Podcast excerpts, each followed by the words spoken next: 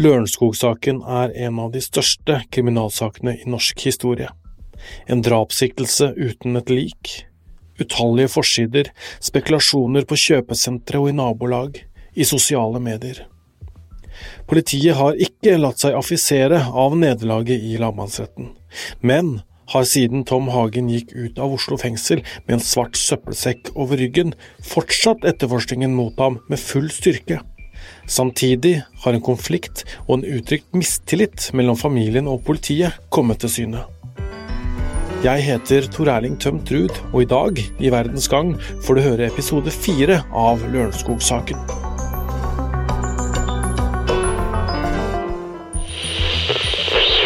Det er noe man eh, våkner med og, og sovner med, nærmest, hvis man sovner. Mistanken mot Tom Hagen har styrka seg over tid. Jeg tror at Tom er uskyldig. Et så godt menneske har ikke fiender. Som han sa, selv sa til meg, jeg er jo uskyldig, så jeg vet jo at politiet ikke kommer til å finne noe bevis mot meg. Hun er borte, liksom, bare. Og det syns jeg er eh, det tristeste og det, det, det verste med hele saken. Tom og Lisbeth de har alltid vært akkurat det for meg. Tom og Lisbeth. To som hører sammen, som tar vare på hverandre. Og som har holdt sammen i 50 år. I gode og vonde dager. Men ingen av oss regner jo med at du en dag skal få bretta ut hele livet ditt for hele verden. Den historien som pressen maler i store bokstaver, det er ikke den historien vi kjenner oss igjen i. Hvor godt kan man egentlig kjenne et annet menneske? Finnes det én riktig versjon om hvordan en person er, eller hva vi mener han eller hun er kapabel til? Og hva er det egentlig som skjer når samme person oppleves ulikt av forskjellige folk? Hva skjer med vår opplevelse av sannheten da? Jeg heter Øystein Milli, og du hører på fjerde episode av Lørenskog-saken.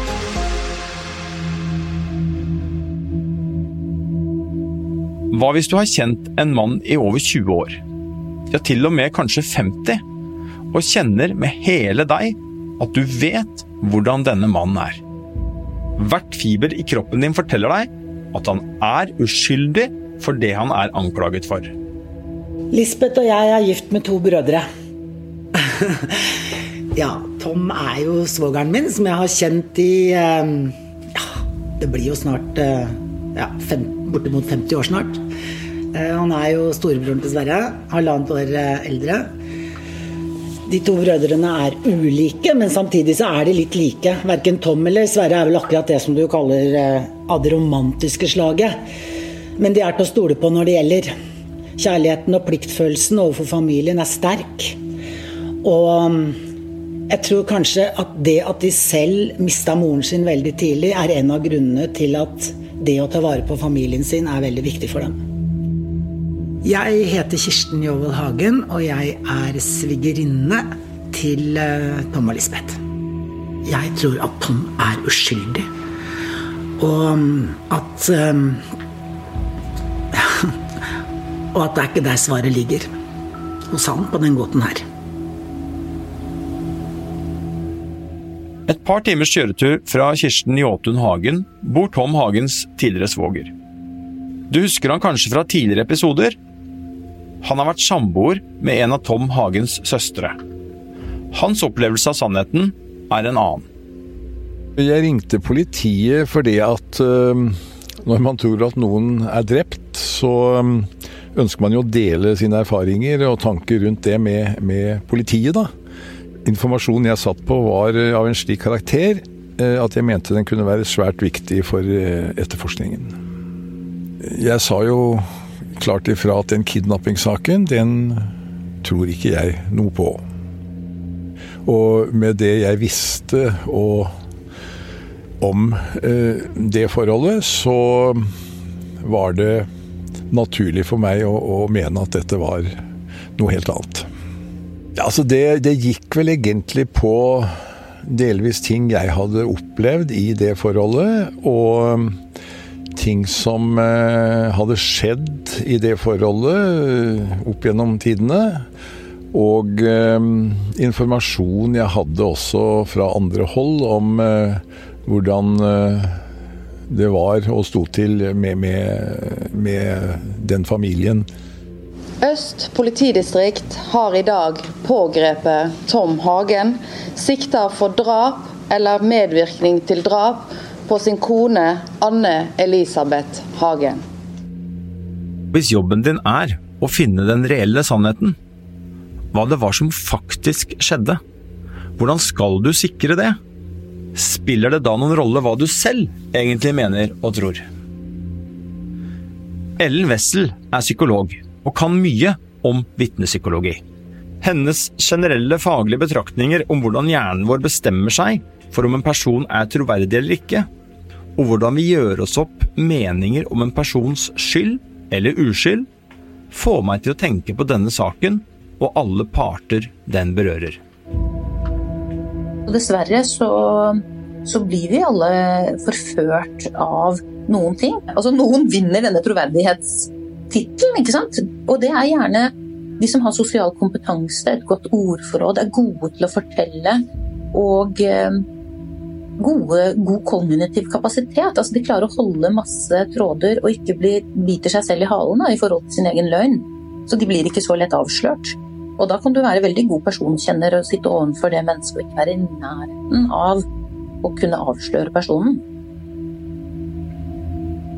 Politiet har ikke latt seg affisere av nederlaget i lagmannsretten, men har siden Tom Hagen gikk ut av Oslo fengsel med en svart søppelsekk over ryggen, fortsatt etterforskningen mot ham med full styrke. Samtidig har en konflikt og en uttrykt mistillit mellom familien og politiet stadig kommet mer til syne. Og nå så ser jeg en ektemann og barn og barnebarn som holder sammen og holder ut i en forferdelig vanskelig situasjon. Og vi i familien, vi slår ring om dem. Og for alle oss så er det aller viktigste nå å finne ut hva er det som har skjedd med Lisbeth. Tom og Lisbeths familie og venner frykter at politiet er på ville veier at Tom Hagen er et blindspor som gjør at verdifull tid i jakten på de eller den ansvarlige forspilles, og at konsekvensen blir at Lørenskog-mysteriet aldri oppklares. Jeg tenker at det eneste jeg kan si da, det er det at det er helt nødvendig at denne saken blir løst. At vi finner ut hva som er skjedd. Nå gikk jo ungene veldig klart ut og sa at de ikke tror at pappa er skyldig i det her. Søsknene hans har gått ut samla og sagt det samme. Og det er det som jeg må si også, det er at jeg tror at Tom er uskyldig. Og at um, Og at det er ikke der svaret ligger. Hos han på den gåten her. Og hvem er det som har gjort en så grusom ting som å rive Lisbeth bort fra den familien som hun elsker overalt i verden? Situasjonen kan fremstå som forvirrende. Hemmelig etterforskning, krangel om ransaking, dommere som mener det er skjellig grunn til å mistenke Tom Hagen, dommere som mener det ikke foreligger bevis som er sterke nok. Det kommer antydninger om at etterforskerne ikke er gode nok, at den nærmeste familien vurderer å takke nei til avhør. Det er mange som mener mye. Hva er det som styrer dem? Ellen Wessel forteller oss om hvordan hjernen vår faktisk virker. Altså det, vi, det vi ser når det gjelder troverdighet, når den oppfatningen først har plantet seg, så forfører troverdighet eh, så sterkt at vi kan overse faktiske bevis. Så vi, vi, låser oss fast, og det er eh, rett og slett en del av hjernens fungering som har, eh, fører til den svakheten. Hvis vi skal snakke om hvordan hjernen beslutter og vurderer om folk er skyldige eller uskyldige, så kommer vi ikke unna å snakke om troverdighet. Fordi det er helt avhengig av hvor troverdig vi vurderer en person, eller lite troverdig, for å mene om denne personen er skyldig eller ikke. Og hjernen vår den en del, eh, har en del eh, effektive funksjoner som gjør at vi er raske, men at vi også gjør noen feil. Og det gjør vi dessverre også når vi vurderer menneskers troverdighet og pålitelighet. Og Da har jeg lyst til å også presisere forskjellen på dette, fordi troverdighet det handler om en, hvordan en person oppfattes andre. Hvordan vi vurderer personen. Mens pålitelighet handler om hvor korrekt eh, personen snakker. Altså hvor riktig er den historien knyttet opp til den objektive sannheten. Dette er viktig. Troverdighet er ikke det samme som faktisk sannhet. Pålitelighet er knyttet opp til faktisk sannhet, mens troverdighet det kan være knyttet til at vi liker en person, eller stoler på en person. Og troverdighet er heller ikke det samme som skyld eller uskyld. Og når vi først har vurdert en person som troverdig, så har vi også eh, en tendens til å tenke at denne personen snakker sant og husker riktig. Altså snakker korrekt og er pålitelig. Men det er jo ikke nødvendigvis en eh, direkte sammenheng der. Fordi vi blir påvirket av en rekke ting som ikke har noe med bevis f.eks. i en sak å gjøre. Og det rammer jo dessverre både de som blir vurdert som skyldige, like mye som de som vi tenker er uskyldige. De, de, faktorene som ser ut til å påvirke vår vurdering av troverdighet, de kan deles inn i to bolker. kan du si. Noe av det er det verbale, altså hvordan vi snakker og hva vi forteller. Og så er det en del nonverbale trekk som handler mer om blikk og blikkontakt, skjelving, bristende stemme. Uh, utseende uh, ser også ut til å påvirke. Altså folk som har et uskyldig utseende, er også attraktive mennesker, men som har mer sånne snille trekk, vurderes som mer troverdige. Ehm, og utseendet også i klær kan også eh, gi inntrykk av det vi tenker er litt sånn sosial status, da. Eh, som også ser ut til å virke inn på troverdighet. Politiet mener Lisbeth ble kvalt. De har funnet slepespor inne i Sloraveien. Jeg tenker at politiet må mene disse elementene henger nøye sammen. Synet som møtte dem da de gikk inn i bolighuset. Hvordan klærne lå, om de var brukt, om det var tegn til søl i en eller annen form, om det var spor, som slepesporene, etter en form for en handling. Dessuten vil jeg tro politiet også la vekt på hva de ikke så. Ved å oppsummere negative og positive funn var man i stand til å danne seg en hypotese. Og den, den er at Lisbeth aldri ble bortført, men kvalt i sitt eget hjem. Men, sier Svein Holden, Tom Hagens forsvarsadvokat, politiet har ikke et bevismessig grunnlag for å slå fast at hun ble drept før hun forsvant fra Sloraveien. Kunne ikke et drap like sannsynlig funnet sted etter at hun ble tatt bort fra huset sitt, sier Holden poenget hans. Politiet kan gjerne ha en teori om at Lisbeth ble kvalt, men det, det er ikke det samme som bevis. Det er så langt ingenting som tilsier at etterforskerne kan være sikre på at Anne-Elisabeth Hagen ble kvalt. For de kan ikke bevise det. Anne-Elisabeth Hagen er fremdeles ikke funnet. Og derfor kan de ikke slå fast at hun faktisk er drept, eller hva selve dødsårsaken var. Spliden mellom familien og politiet er åpenbar og uttalt.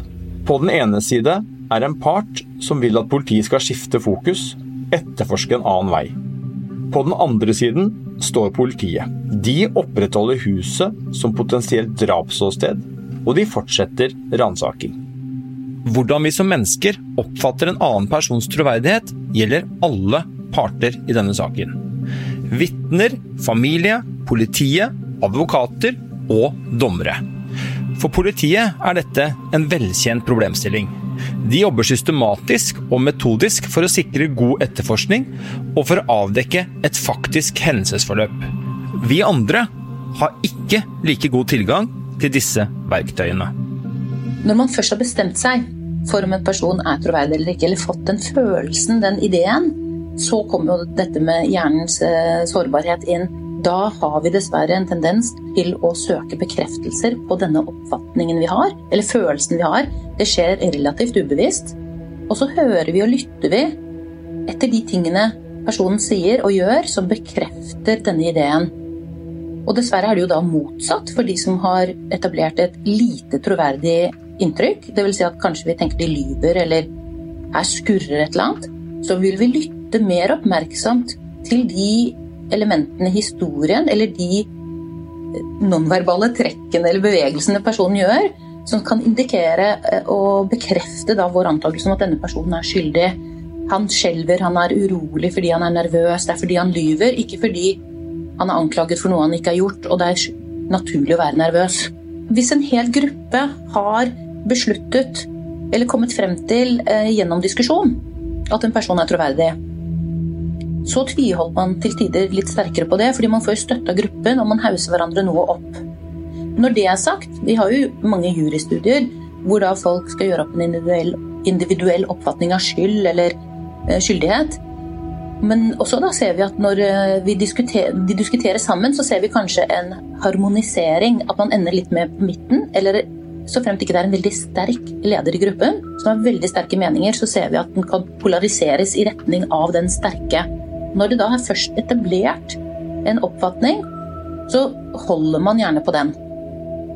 Årsaken til at vi eh, etter en sånn gruppediskusjon, eller at flere er enige om å ha kommet frem til en tanke om at en person er, er skyldig eller uskyldig, altså troverdig eller lite troverdig, så er det noe med at vi husker ikke helt hvor informasjonen kom fra i en sånn diskusjon. Og vi tenker at det kan være våre egne refleksjoner, og glemme at vi var litt i tvil selv.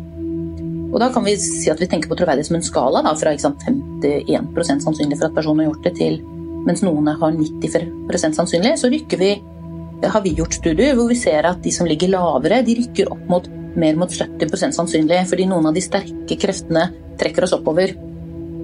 Og da står vi gjerne for det, men vi husker ikke hvordan vi kom frem til den beslutningen.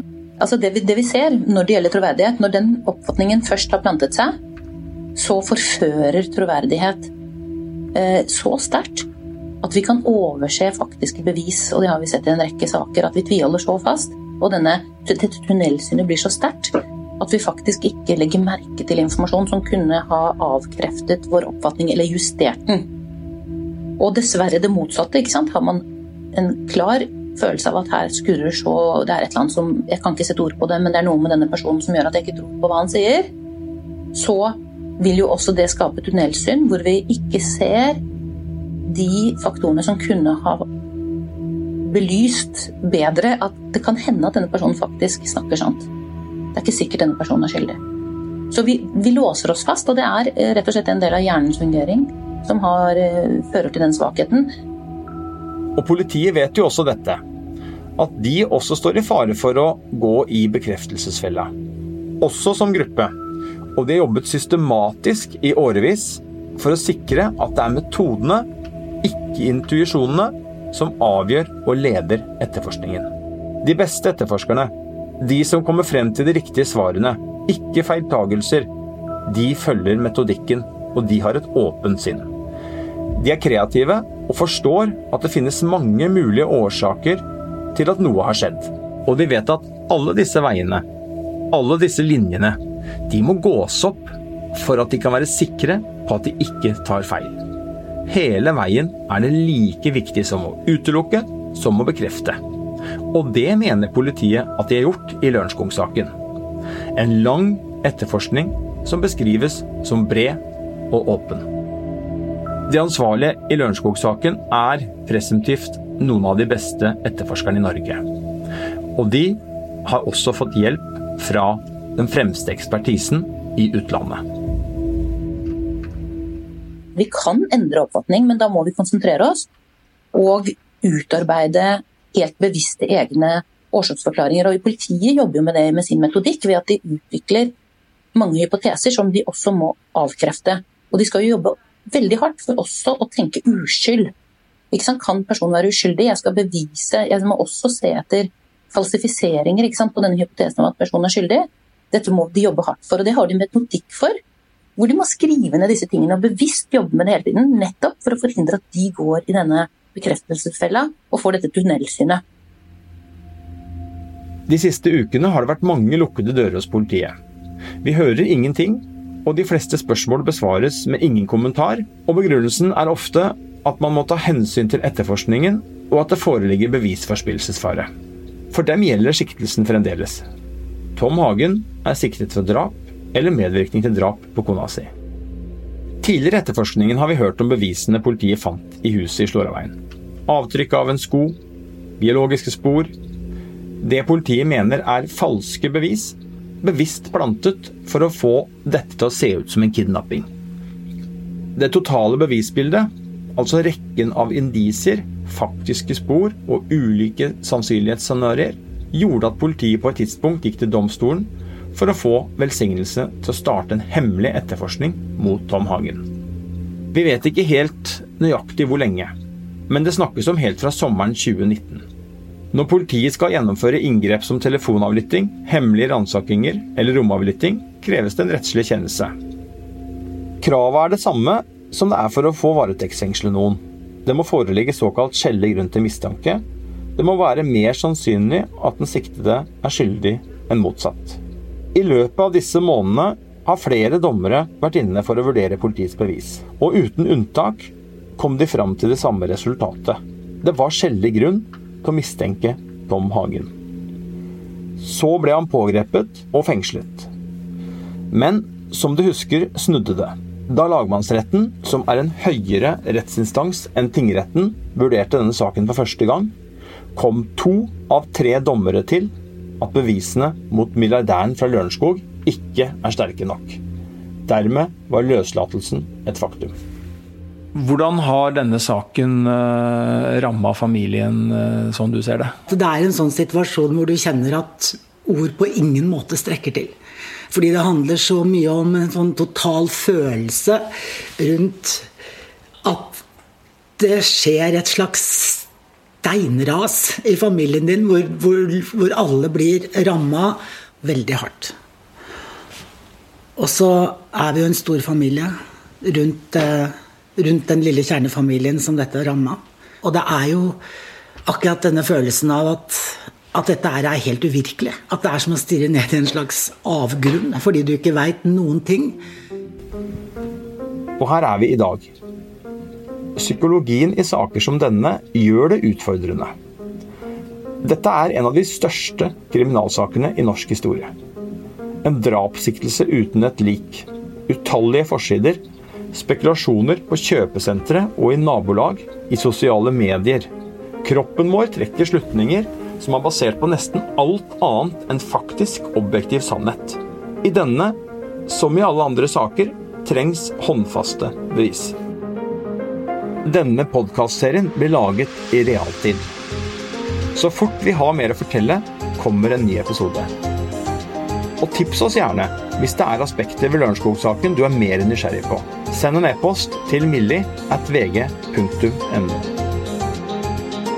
All journalistikk knyttet til denne saken er jobbet frem av Hanna Haug Grøseth, Morten Hopperstad, Ådne Husby Sandnes, Gordon Andersen, Bjørnar Tommelstad og meg. Podkastserien er laget av Emilie Hall Torp, Kristine Hellesland og meg, Øystein Millie. Teknisk ansvarlig er Magne Antonsen.